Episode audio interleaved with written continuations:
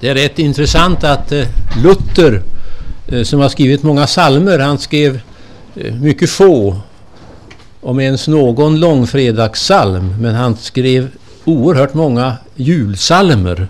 Och de tillhör hans bästa salmer enligt förståsigpåarna. Det är rätt intressant. Idag ska vi läsa från Johannes evangeliet, prologen. Det är en sån mäktig text så att jag undrar varför jag valde, eller vi valde att, att ta med den. Därför att den är värd så mycket tid att utlägga. Och vi ska bara ägna 20 minuter åt den. Men låt oss läsa hela Johannesprologen i Jesu namn. I begynnelsen fanns ordet och ordet fanns hos Gud och ordet var Gud. Det fanns i begynnelsen hos Gud. Allt blev till genom det och utan det blev ingenting till av allt som finns till. I ordet var liv och livet var människornas ljus och ljuset lyser i mörkret och mörkret har inte övervunnit det. Det kom en man som var sänd av Gud, hans namn var Johannes. Han kom som ett vittne för att vittna om ljuset så att alla skulle komma till tro genom honom. Själv var han inte ljuset, men han skulle vittna om ljuset. Det sanna ljuset som ger alla människor ljus skulle komma i världen. Han var i världen och världen hade blivit till genom honom, men världen kände honom inte.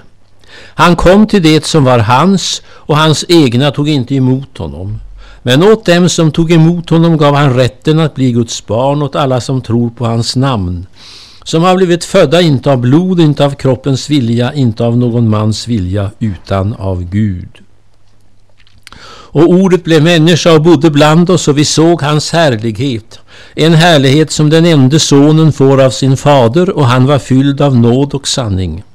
Johannes vittnar om honom och ropar, det var om honom jag sade, han som kommer efter mig går före mig, ty han fanns före mig. Av hans fullhet har vi alla fått del, med nåd och åter nåd. Ty lagen gavs genom Mose, men nåden och sanningen har kommit genom Jesus Kristus. Ingen har någonsin sett Gud, den enda sonen själv Gud och alltid nära Fadern, han har förklarat honom för oss. Amen. Låt oss be.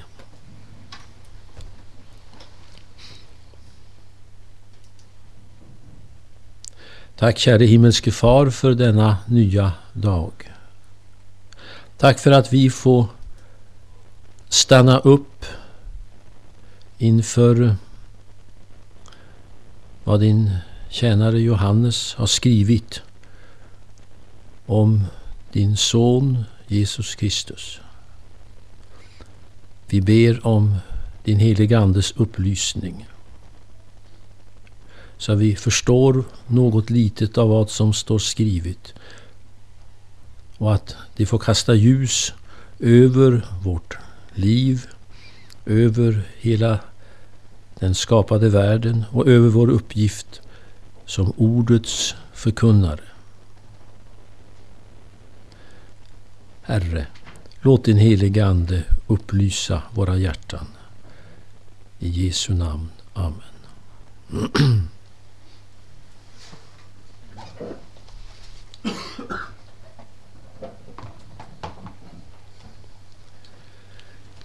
Evangeliet är ju de goda nyheterna om en man som hette Jesus.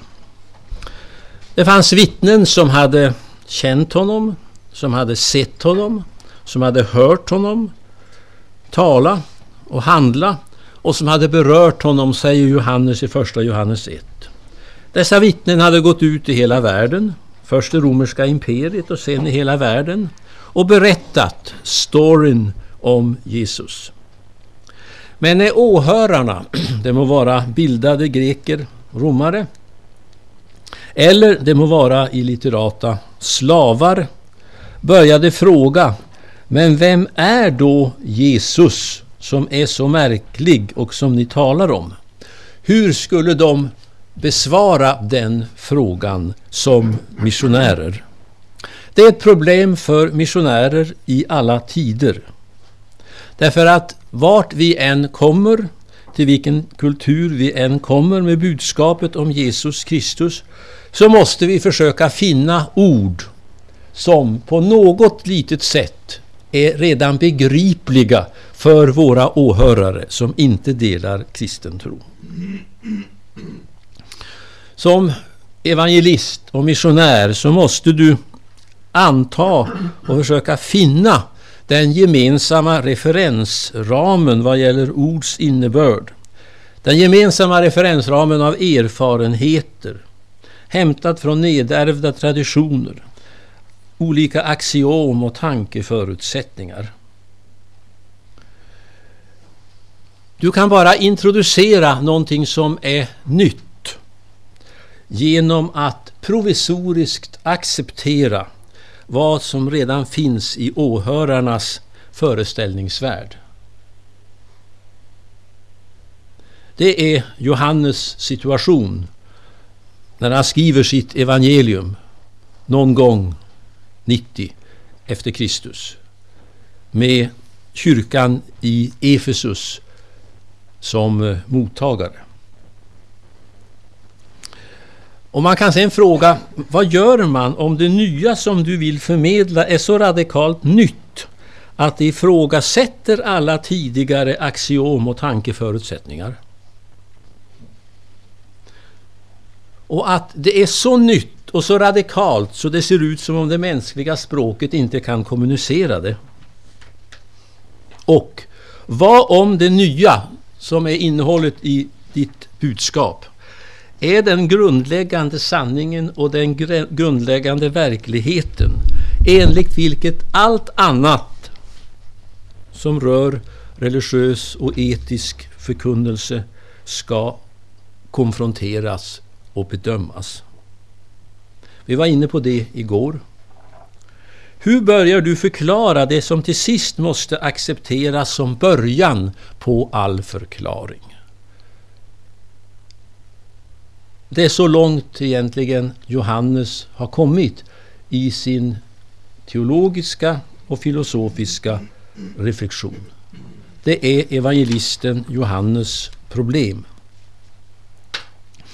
Och därför i hans prolog, som är en slags overtyr till en opera eller ett drama, där han sammanfattar det han sen tänker säga om Jesus-dramat, så börjar han därför med begynnelsen, Bereshit, men han går ännu längre tillbaka än Mosebokens författare.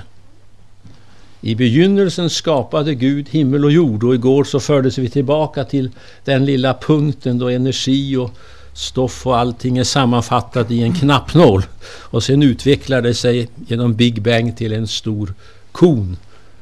Men nu är vi bakom the Big Bang. Och även för det använder Johannes uttrycket i begynnelsen fanns ordet.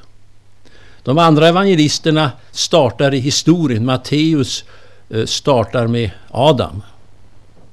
Nej, jo, nej, Abraham. Eh, låt mig se så jag säger rätt. Han startar med Abraham. Det är Lukas som startar med Abraham. Och Adam, Adam ja. Och det är Markus som startar med, med, med Johannes, döparen.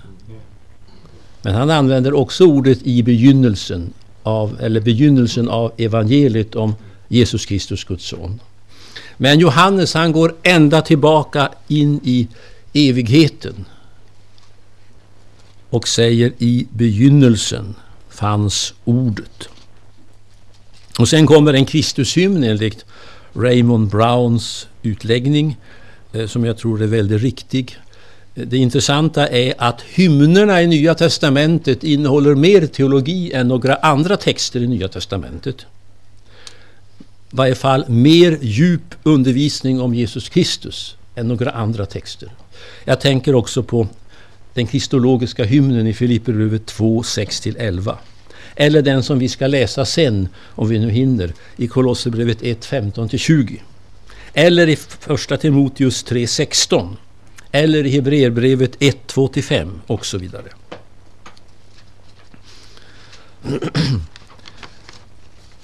Mycket kort. Först så talas det om att ordet Logos finns hos Gud och att Logos var Gud. Eh, Därmed så har Johannes sagt oerhört mycket. Det är inga metafysiska spekulationer om relationen inom gudomen och trinitariska processioner. Men det sägs att ordet Kristus, Logos, var hos Gud och var Gud. Och den gammaltestamentliga bakgrunden mycket kort, det är Guds skaparord som på något sätt vandrar ut ur Gud och nästan blir en hypostasering i Gamla Testamentet och står på egna ben på något sätt. Och på samma sätt visheten i Ordspråksboken vandrar också ut ur Gud, om jag nu talar väldigt barnsligt, och står nästan på egna ben.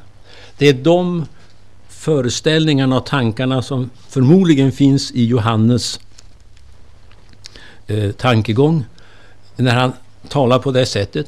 Och samtidigt, han är missionären. Och han vet att det gäller att hitta ett ord som presenterar Jesus som blir begripligt för tänkande åhörare. Så man inte liksom slår dem i ansiktet direkt så de bara säger vilken galenskap och går.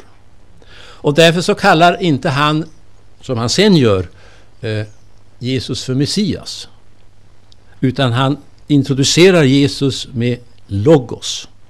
Därför att det begrep tänkande greker och romare. Därför att enligt den stoiska filosofin som var känd av alla så bestod världen som var som en levande kropp den, hade, den var genomsyrad av det gudomliga logos, det gudomliga förnuftet som man uppfattade det. Och därför så hade varje människa del i det gudomliga förnuftet på något sätt. Så att åhöraren fick någon slags föreställning om att den där Jesus Kristus, som den där konstige predikanten ifrån Palestina nu talar om, han är relaterad till det vi kallar för logos. Om han menar samma sak som vi eller inte, det, det var de säkert osäkra på. Men de fick i alla fall en hjälp att gå de första stegen emot eh, Johannes för att lyssna vidare på vad han sa. Och det är rätt fantastiskt att se hur det i Nya Testamentet, på Nya Testamentets tid finns eh, beröringspunkter mellan eh, budskapet om Jesus Kristus och eh, vissa föreställningar i den hellenistiska världen och vissa ord och begrepp verkar vara nästan prefigurerade för att användas av kristna predikanter. Bara de har tänkt igenom saken och vet vad man ska använda och vad man inte ska använda. Vad man ska anknyta till och vad man inte ska anknyta till. Vi skulle kunna hålla en lång föreläsning om eh, gammaltestamentliga begrepp som samtidigt är delvis använda i den hellenistiska kulturen och i den grekiska filosofin och som man kan använda lite grann på väg. Och det har alltid missionärer i alla tider sökt efter. Och orsaken till detta är ju givetvis att den värld som vi har är skapad av Gud och den är, där spelar Logos visheten, ordet, en agents roll.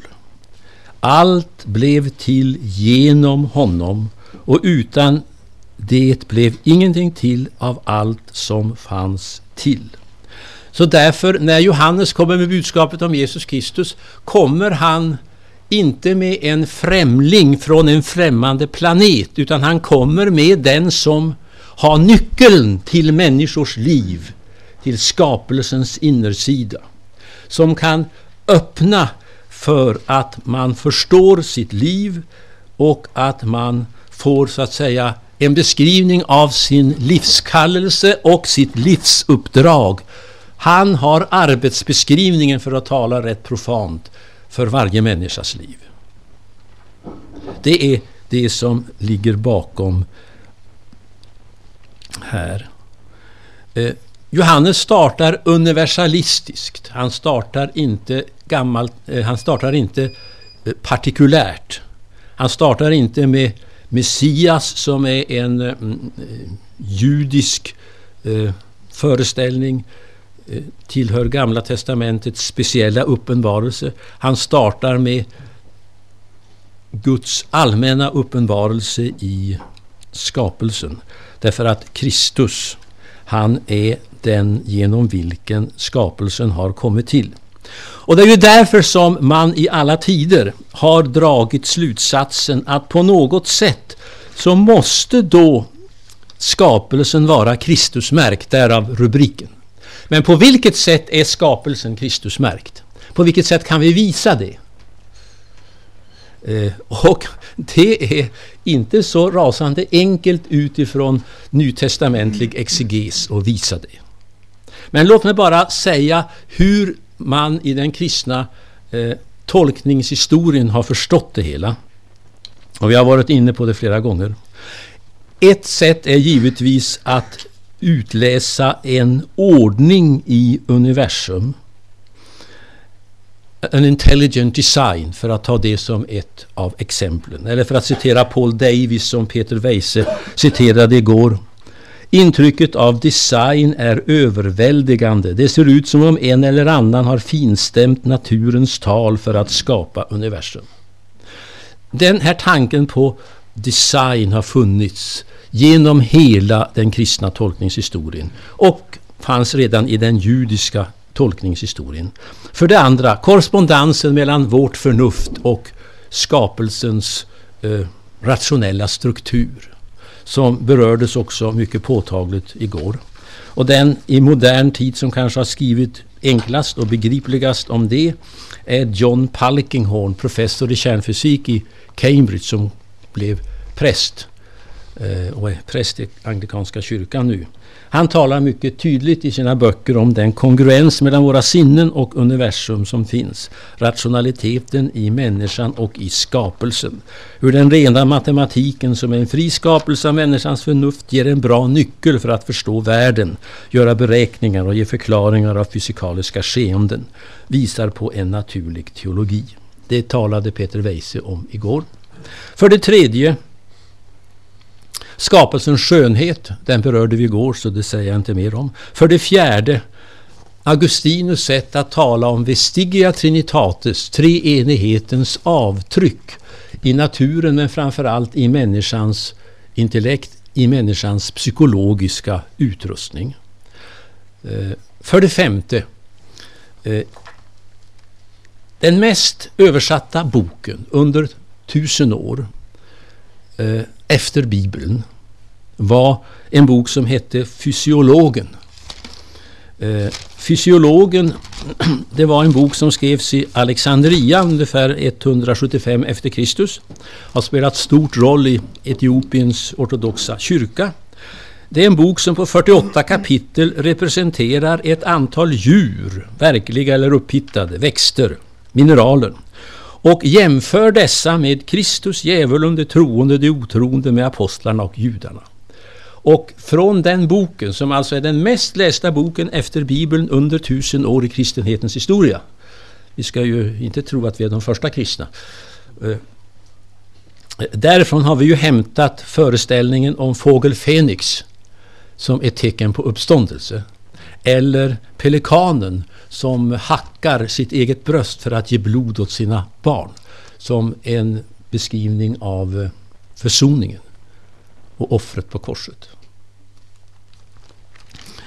Eh, sen kan man fråga sig, finns också då korsmönstret inskrivet i naturens väv?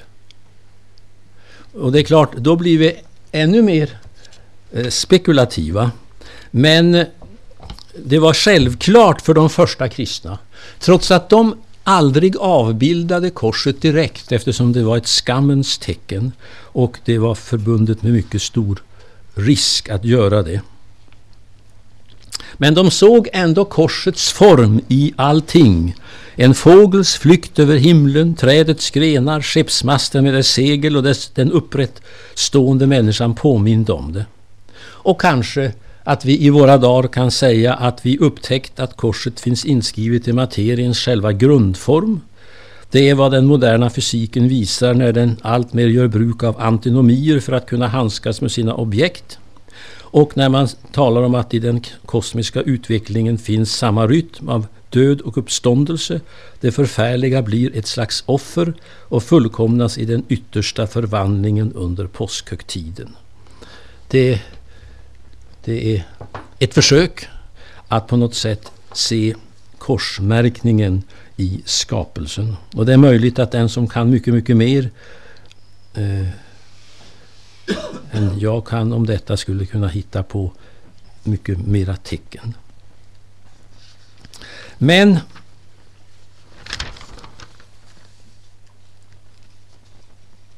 det som vi nu kan dra som en slutsats av att allt blev till genom det och utan det blev ingenting till av allt som finns till. I ordet var liv och livet var människornas ljus och ljuset lyser i mörkret och mörkret har inte övervunnit det. Jag tolkar hela det här sammanhanget som att det nu handlar om skapelsen. Och jag utgår ifrån att det är först i vers 6 som vi kommer in på frälsningen. Först genom förebådaren Johannes och sen dyker Jesus så att säga som den inkarnerade upp på scenen från och med vers 10. Eh.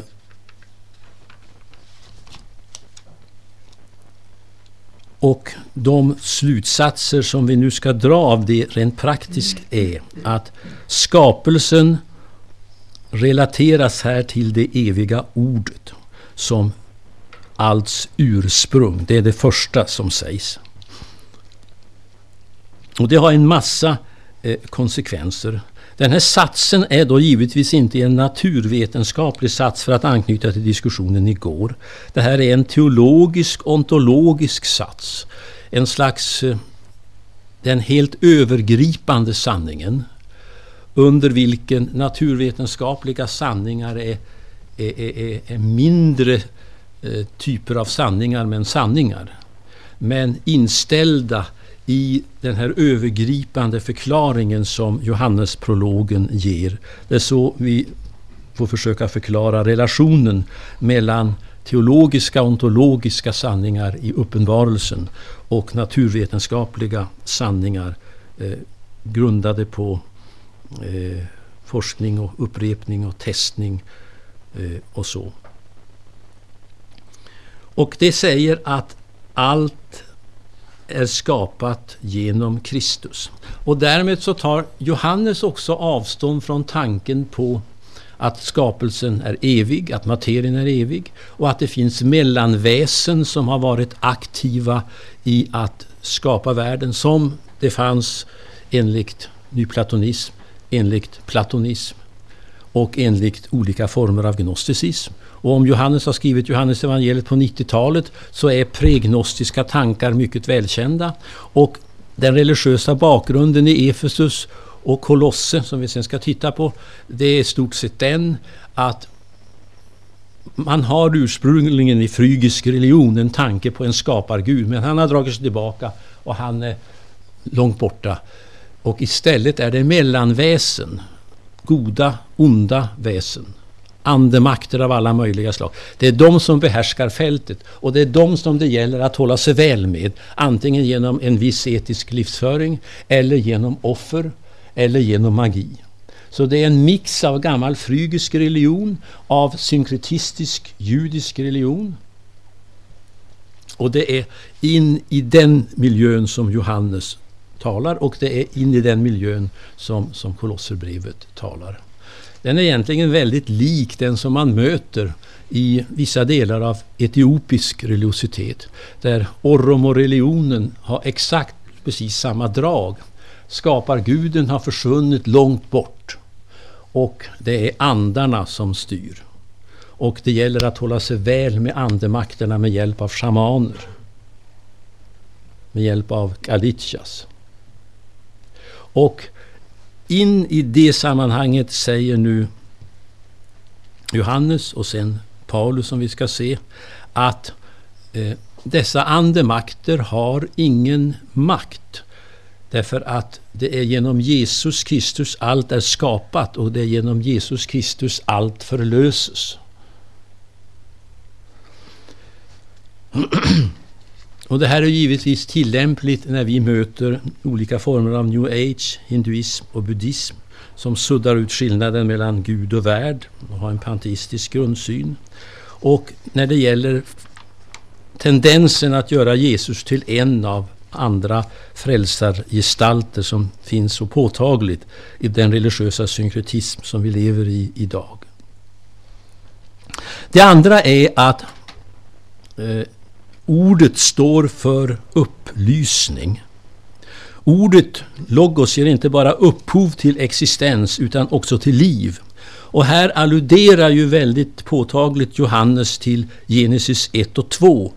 Eh, till liv och ljus. Ljuset är det första Gud skapar. Och livet spelar sedan en stor roll i kapitel 1 och kapitel 2. Och det är klart, här måste vi då göra en distinktion. Vad menas med livet i Johannes evangeliet? I Genesis så är det ju det fysiska, det biologiska, det naturliga livet i första hand. Men samtidigt är det ju relaterat till det eviga livet. Redan där finns den distinktionen. För att livets träd 2.9 eh, det, om det sägs det sen i 3.22 att äter man av livets träd så lever man för evigt. Så, så en viss distinktion tycks föreligga redan i första Mosebok. Men i Johannes evangelium så är det en klar distinktion mellan det fysiska, biologiska, naturgivna livet å ena sidan och det sanna, det verkliga, eviga livet som inte kan brytas ner, det tillkommande livet, uppståndelselivet som skänks av Jesus Kristus genom hans död och hans uppståndelse. Och detta liv är förbundet med ljus. Så liv och ljus och sanning i Johannes sammanhanget är likvärdigt med den värld som Jesus uppenbarar och vill ge som en gåva till människorna. När jag var liten och gick i söndagsskola så tillhörde det ju pjäsen att på söndagsskolfesten skulle man tända ljus i granen och läsa bibelord. Och det är min första bekantskap med Johannesprologen. Ljuset lyser i mörkret och mörkret har icke fått makt med det, som det hette i den gamla svenska översättningen. Det kommer jag ihåg. Och i Johannes 8.12. Jag är världens ljus. Den som eh, följer mig vandrar inte i mörkret utan har livets ljus. Där kombineras liv och ljus. Och det är det som Jesus ger. Och han säger nu Johannes tre saker om detta logosljus. I skapelsen, lägg märke till nu håller vi oss inom skapelsen. Eftersom jag förutsätter att vers 4 och 5 håller sig inom skapelseperspektivets ram. Det ger upplysning till varje person. Detta liv var människans ljus. Eh, och det ger en slags upplysning om Gud. Och det är den upplysningen som eh, Paulus sen uttrycker på det sättet i Romarbrevet 1. 19. Det man kan veta om Gud kan de ju själva se. Gud har gjort det uppenbart för dem. Ty allt sedan världens skapelse har hans osynliga egenskaper, hans eviga makt och gudomlighet kunnat uppfattas i hans verk och varit synliga. Därför finns det inget försvar för dem. De har haft kunskap om Gud, men inte ärat honom som Gud eller tackat honom. Deras tankemöda ledde dem ingenstans och deras oförståndiga hjärtan förmörkades.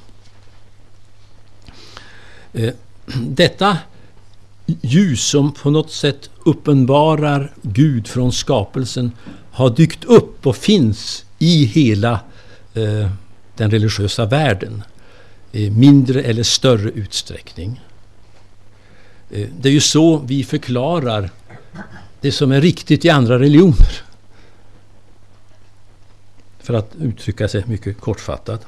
Det syftar på Guds allmänna uppenbarelse. Och mörkret har inte kunnat gripa det som det står i er danska översättning. Eh, och utifrån min tolkning då är er översättning bättre än den svenska.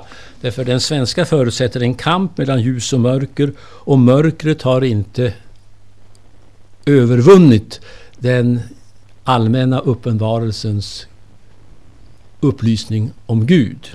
Och det tycker vi ju att det har gjort rätt mycket.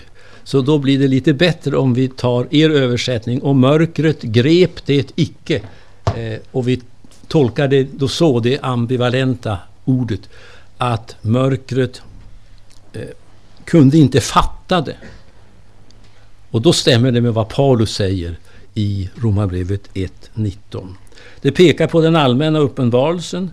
Eh, Johannes alluderar här på ordets delaktighet i Gud, i Gud som uppenbarar sig själv för alla människor genom samvete och skapelse. En uppenbarelse som lämnar dem utan ursäkt för att ignorera Gud. Det är ju så Paulus använder det. Han, han, han räknar inte med att den naturliga gudskunskapen kan leda till frälsning. Det leder i själva verket till raka motsatsen.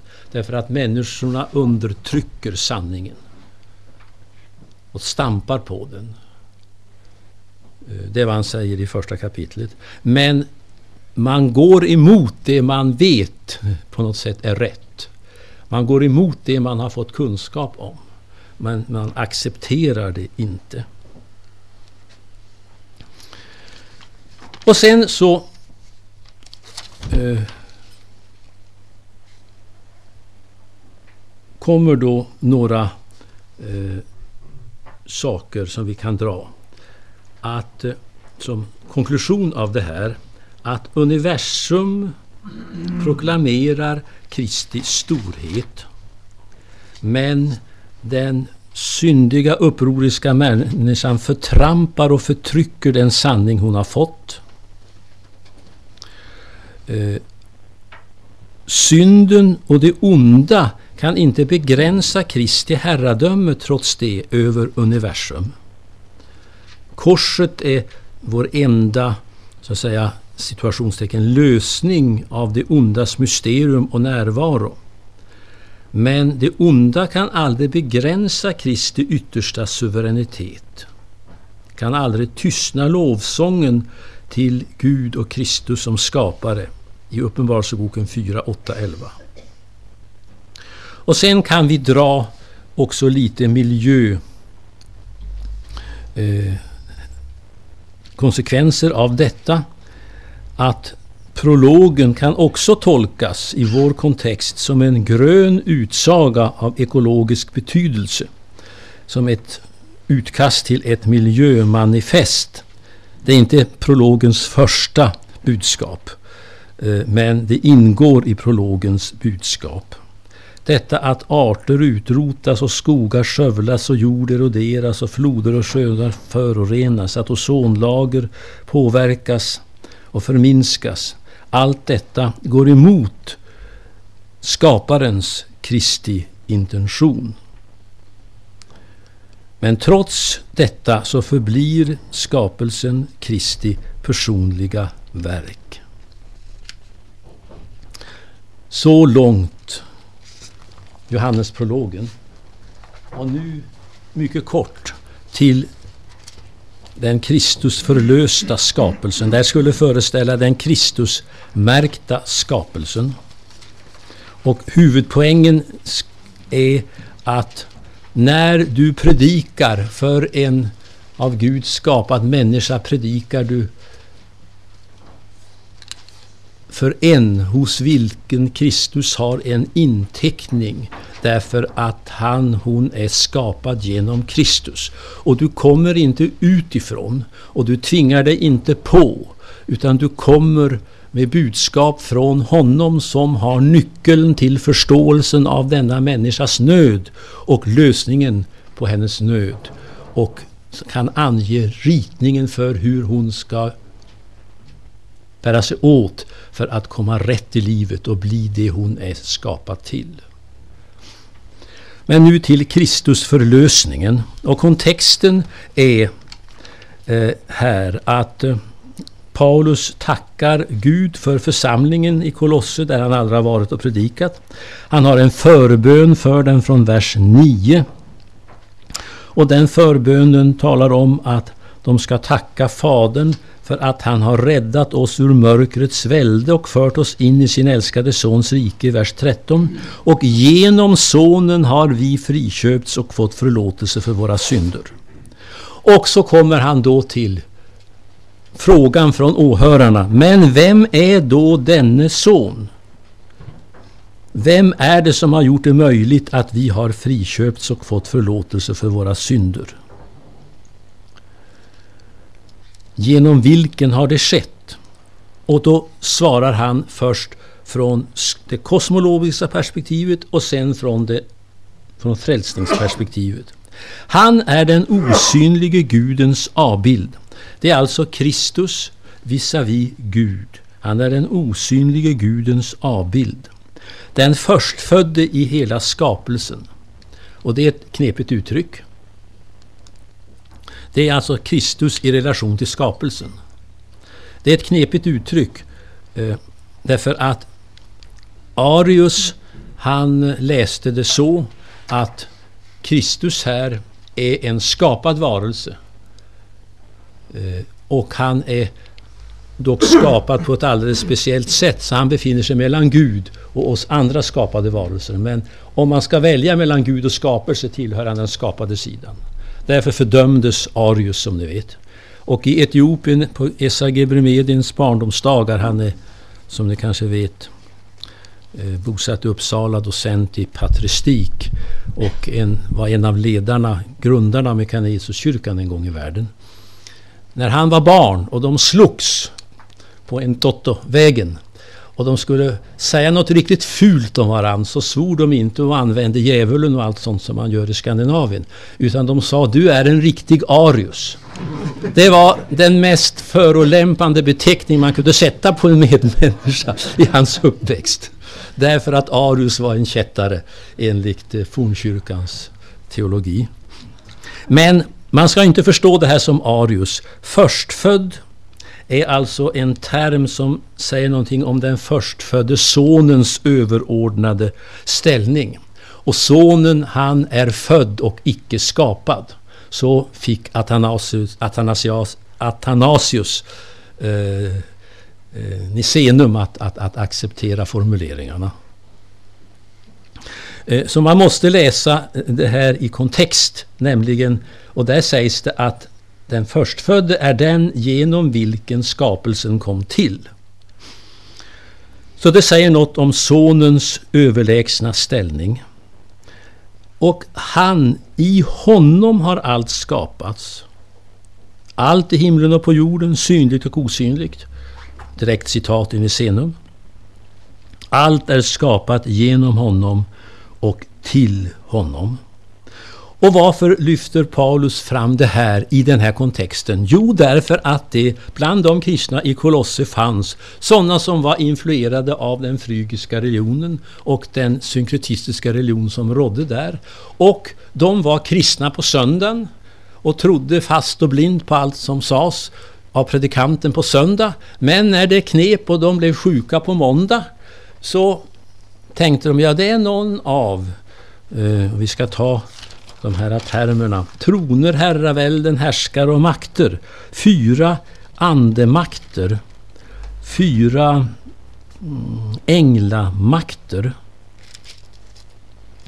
Eh, de som sägs vara skapade genom Kristus här i vers 16. Troner, herravälden, härskare och makter. Jag är nu inte kontant med någon av dessa makter. Nu gäller det att blicka tronerna eller härskarna eller välderna eller det. Och så gick man och offrade någonting. Det som är mycket vanligt i Afrika än idag. Eh, det kan Flemming Hansen berätta mycket om ifrån Tanzanias lutherska kyrka. Eh, och då säger Paulus, det ska ni inte alls göra, för de är maktlösa. De är besegrade, vi ska strax se det. Och dessutom, de har skapats genom Kristus och skaparen står ju över det skapade. Det är ju löjligt av er att tro att de har någon makt.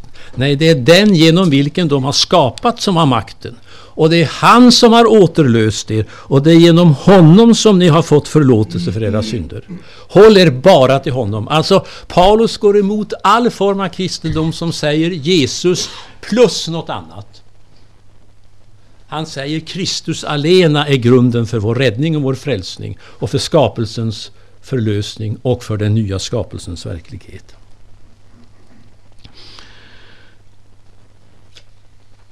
Och här så säger han att Jesus Kristus är så att säga den sammanfattande principen för allting i, i kosmos.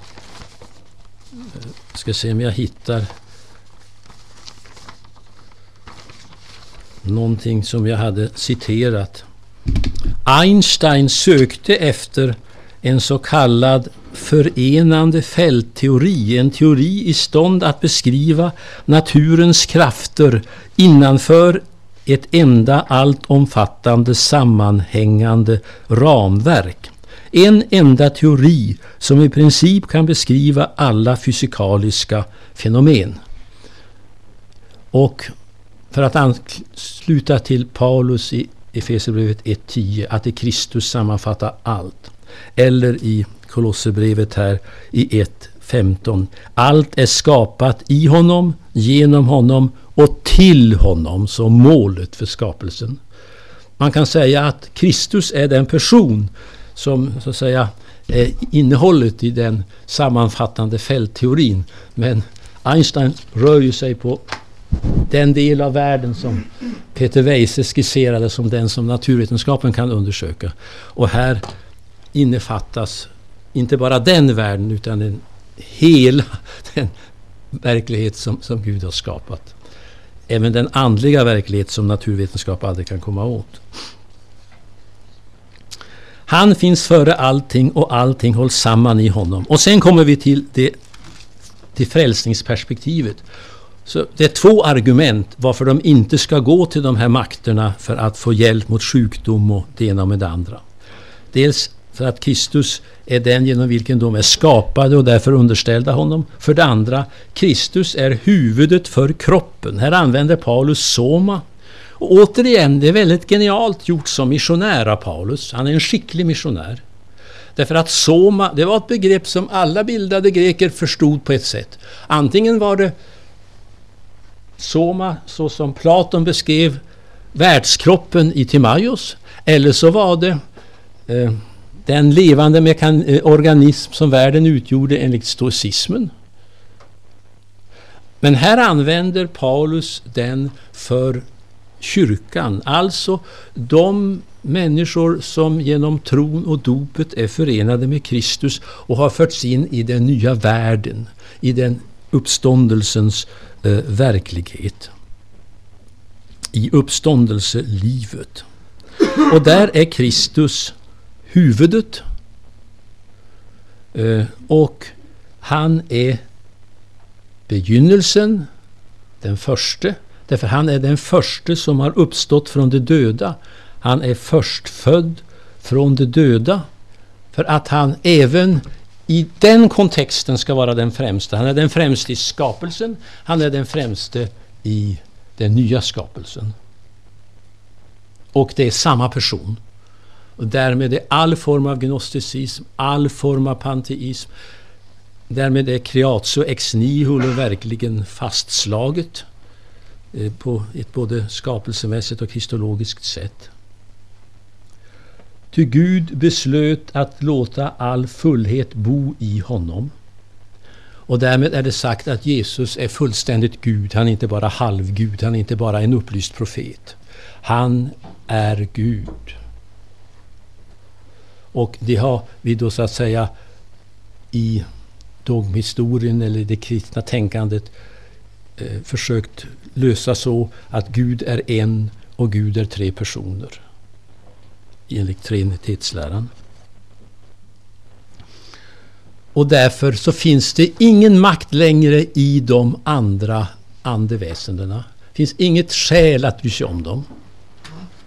All sanning All frälsning, all makt finns enbart hos Jesus Kristus. Och därmed är, har Paulus sagt nej till alla andra religioners anspråk på att vara någon form av frälsningsväg. Och därmed så har han sagt att all värdefull insikt finns hos Jesus Kristus. Man behöver inte gå över ån efter vatten och söka det i andra religioner. Och lär man sig någonting i andra religioner, vilket man kan göra som kristen, så är det bara för att upptäcka att det fanns i vår kristna tro i mycket bättre form. Men jag har inte upptäckt det. Jag har inte sett det. Min kyrka har inte sett det. Men det finns där.